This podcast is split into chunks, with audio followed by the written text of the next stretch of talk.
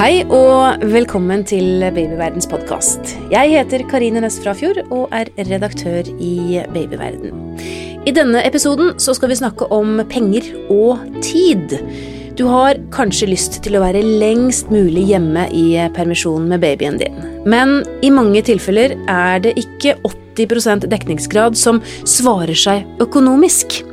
Til å forklare dette så har vi fått besøk av forbrukerøkonom Eva Sørmo i Norsk familieøkonomi. Velkommen til oss. Takk for det.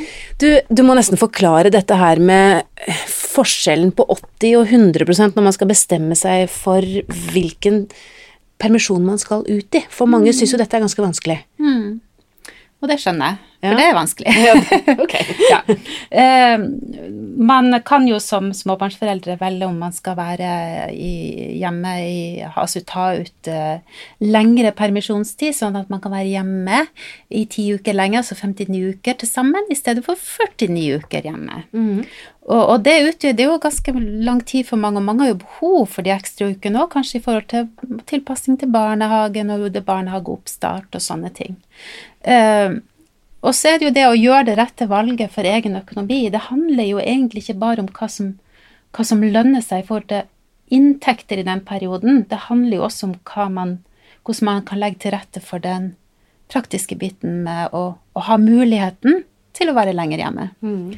Uh, velger man da du kan jo gå inn på sånn type kalkulatorer som ligger på internett, og beregne hva som er lurt sånn i kroner og øre. Hvor man legger inn da far og mors inntekt, og hvor mange uker man ønsker å ta ut hver. Og, og ser om det vil lønne seg for om man går 100 eller 80% permisjon. men det man også skal tenke på, at det er en del av det, og det er selvfølgelig Hvis du tar ut 80% og jobber den 20% eh, altså videre, så vil jo det være noe som lønner seg tallmessig, ja. ikke sant? Men så er det jo sånn at man får disse små, og kanskje de at de ikke er helt klare for å begynne på barnehage etter så kort tid, ikke sant? Og da kan det være greit å kanskje tenke før man begynner å skal ta ut denne permisjonen, at hvordan kan vi legge til rette for at jeg skal kunne ta lengst mulig permisjon? Ja, hvordan kan man gjøre det, da? Ja. Og da er det jo en ting, litt det vi snakka om det her med at du kan spare mye penger i hverdagen med å tenke deg litt om, men du kan også legge til rette for at du kan legge av litt ekstra penger før du går ut i permisjon. Prøv å sette av noen ekstra kroner. Eh, og så kan du snakke med banken din. Har du boliglån, så kan du spørre banken du har vi mulighet til å i denne perioden når vi er hjemme, kan vi ha avdragsfrihet på boliglånet, så jeg betaler litt mindre, sånn at jeg kan ha litt mindre lønn, men allikevel kunne velge å være lenger hjemme med barnet mitt. Pleier, hvordan pleier banken å svare på det? Det banken sier Ja, banken er jo egentlig de, de prøver, prøver, å legge til rette for oss, for, for, de fleste. For de skal være der for oss i, i, i forskjellige familiesituasjoner i livet og i gode, dårlige tider. Eh, det heter seg i utgangspunktet at man skal være innenfor 60 å, av, av verdi i boligen for å kunne få avdragsfrihet. Men jeg vet at i sånne tilfeller som det her, så går det an til å spørre om en periode, og da går det som regel greit så lenge du ikke er veldig trukket på boliglån i forhold til verdiene mm. i huset. Og uansett så koster det ingenting å spørre. Nei. For for mange så kan det være akkurat det lille grepet som gjør at man har råd til å være lenger hjemme. Og så er det jo litt det her med at man kan, eh, kan være hjemme i permisjon og kanskje trekke ut tid og heller spare litt penger i det daglige med å bytte ut det her med kafébesøket som vi har snakka om, at du kanskje heller uh, i stedet for å gå på kafé hver dag med den lille og bruke litt ekstra penger der, så kan man jo heller samles og gå en tur i skogen eller gjøre andre ting som ikke koster noe. Gå på, dra på piknik i lag, f.eks. Man kan gjøre mye sosialt uten at det koster for mye. Man kan også kjøpe mye fint og brukt på finn.no. Man kan ha byttekvelder og bytteklær, så man kan gjøre denne perioden rimeligere, og dermed ha mulighet til å ja, for det blir nesten og, ja, ja, bare, ja, For jeg tenker at det blir nesten som et prosjekt. Dette nesten et sånn lite spareprosjekt. Det blir jo det. Ja. Men så er det jo litt sånn, og der er det òg litt spesielt, for da har vi vært gjennom en sånn periode hvor vi har spart litt. Eh, og, og, og, erfart det også, ikke ha så god råd og, og, måtte tenke oss litt om. Så tar vi det gjerne med oss senere i livet når vi får god råd, og da blir vi mm. kanskje flinkere sparere i andre. Ja. Jeg har sjøl erfart også få mitt første barn og rett ifra skole uten å få permisjon, og, og mannen min gikk sjøl på skole. Vi hadde ikke mye penger, vi spiste mye pannekaker og suppe første året, men vi fikk det til Ja. med å snu litt på krona og tenke oss godt om. Og det, og det er jo erfaring man tar med seg videre som kan gjøre en godt senere i livet. Ja, det er positivt å tenke Ja. tilbake på, egentlig. Mm, Ja. ja. Du, dette med permisjoner, 80-100% Man trenger vel heller ikke å ta det ut sammenhengende, sånn at man kan jo faktisk sjonglere litt også. Ha litt frihet. Det, har- det kan du gjøre, og det har jeg sjøl gjort. Eh, Jeg eh, adopterte for eh, tre år siden ei lita jente fra Chile. Hun var ganske stor når hun var sju år når hun kom til oss. Oi. Og det har gått kjempefint. Men det vi gjorde da, det var at i og med at hun var hos oss bare i noen måneder før at hun skulle begynne på skole, så gjorde jeg det sånn at da begynte jeg å jobbe halv stilling. Og så skjøv jeg på permisjonen min, sånn at jeg kunne være lenger hjemme og møte henne etter skolen over lengre tid. Da er det viktig å følge fristene til Nav. For glemmer du om å søke utsettelse, forlengelse av permisjon, så mister du den. Oh, ja. Så der er det viktig, og det gjelder alle, jeg skal ikke fortelle dere reglene her, for dere må gå selv inn og lese på reglene, sånn at man overholder reglene til Nav for å beholde sin permisjon. Jeg mista jo selv en måned. Gjorde For at jeg klarte ikke å se riktig på siste datoen for når min permisjon var borte, og jeg trodde ikke jeg hadde mer permisjon, og så hadde jeg jo en hel måned Og til. du som er Og jeg klarte det. Så det ja, ikke det at jeg er så, så men, men, men altså Ja, det, det er fort gjort. Fort gjort. Ja, det er fort gjort. Så, så vær obs på at eh, det er ingen problem å trekke ut tida og kunne ta det over lengre tid, permisjon, men for all del, pass på å følge lover og regler, for så mister man permisjon. Ingen, ingen tilbake muligheter å gå tilbake og få, få forlenga hvis du har gjort en feil. Og det kan man jo lese mer om på, på nav.no. Ja. Men dette gjelder også for partner, sånn at det gjelder Ja, for begge, ja. begge foreldre. Og kanskje enda viktigere for partner og, og, og, og pappaene tar kanskje enda oftere å, forlenge disse permisjonen sin enn enn det mammaene gjør. Det var altså i hvert fall litt om eh, 80 og 20 hva man skal tenke på når man skal velge permisjonslengde. Vi skal ta en liten pause nå, men etterpå så skal vi snakke litt om dette med å jobbe redusert utover det første året, for det er det kanskje også noen som har lyst til å gjøre. Visste du at tidlig høytlesning, helt fra barnet er nyfødt, pangstarter språklæringen?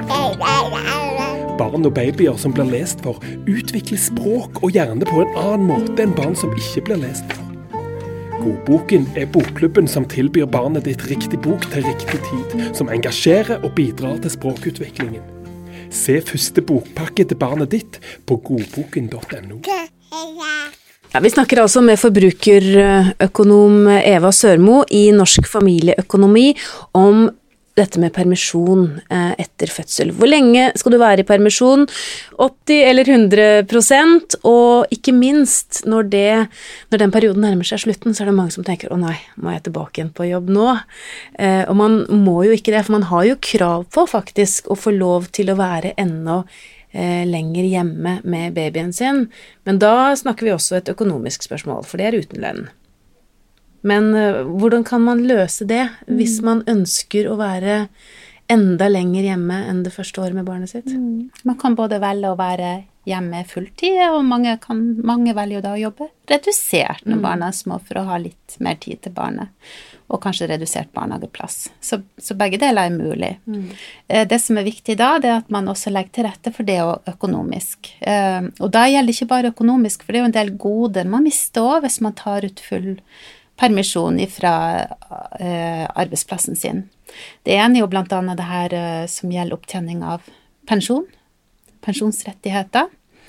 Eh, og der er det også veldig forskjellig på hvordan de forskjellige arbeidsplassene har sin opptjening. Noen har jo veldig god opptjening, mens andre har bare minsteordning.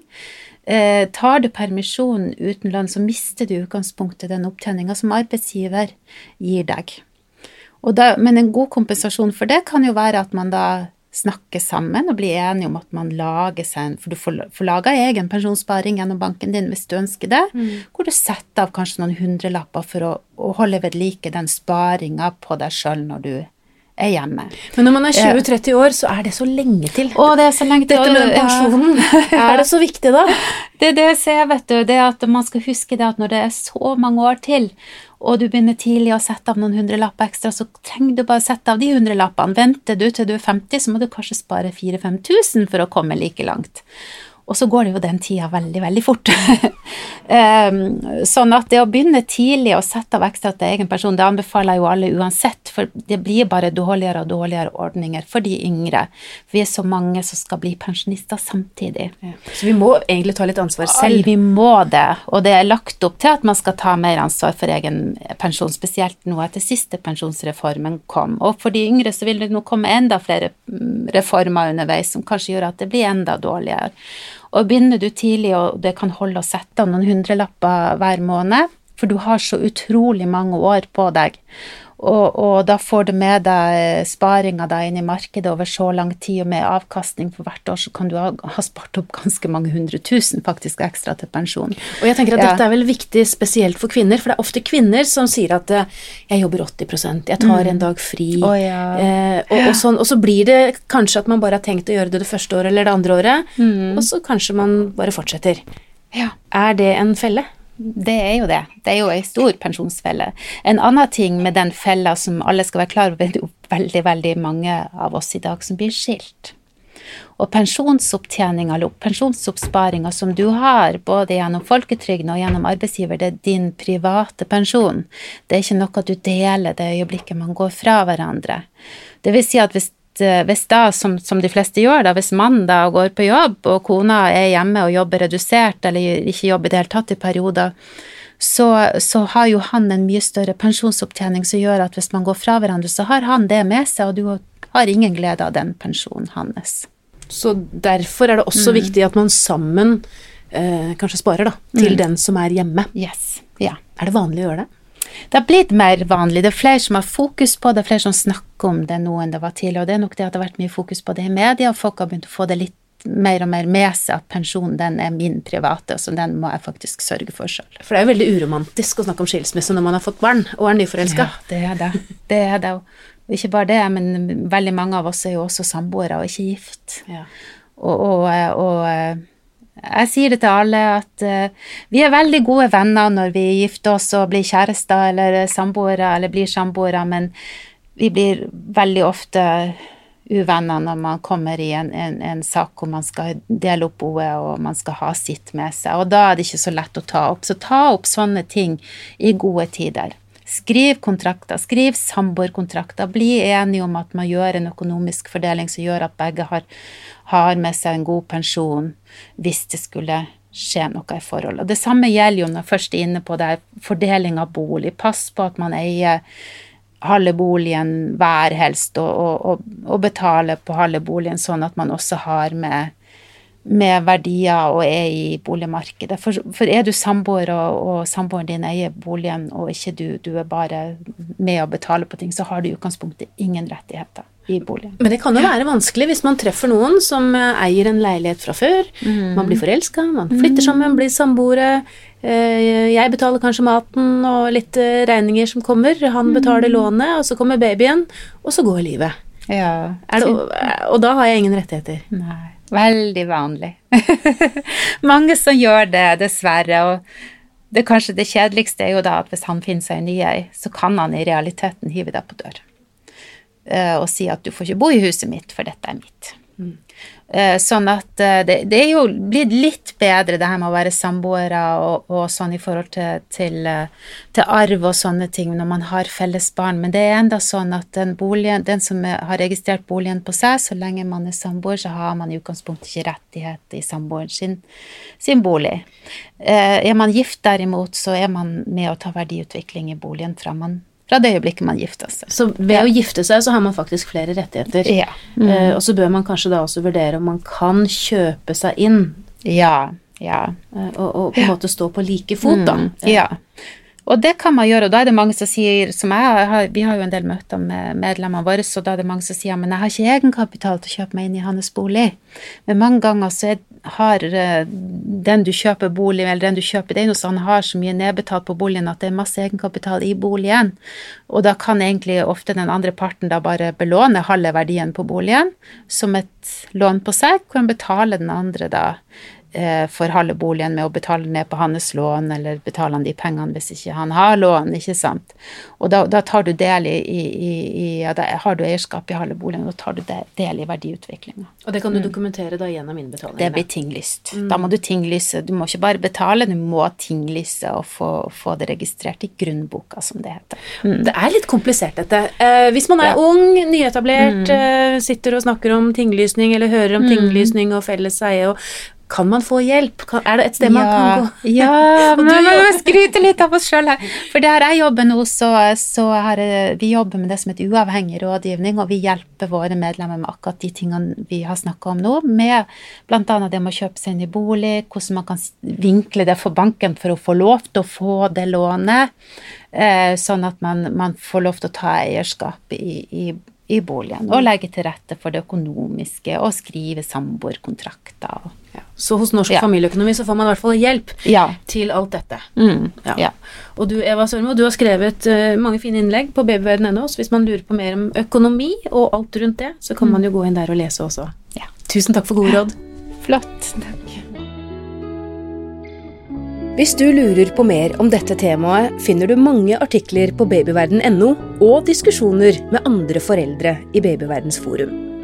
Hvis du ikke allerede har lastet ned appen vår Gravid og barn, så anbefaler jeg deg å gjøre det med en gang. Så kan du følge utviklingen til barnet ditt tett, dag for dag, uke for uke. Hvis du er opptatt av graviditet og barn, så kan det også være lurt å abonnere på Babyverdens podkast. Send gjerne kommentarer til oss på e-post. Adressen er podkast at babyverden.no. Men husk at vi som lager denne podkasten, er journalister og ikke helsepersonell, så hvis du har medisinske spørsmål, må du ta kontakt med jordmor eller fastlegen din. Ha det bra til vi høres igjen.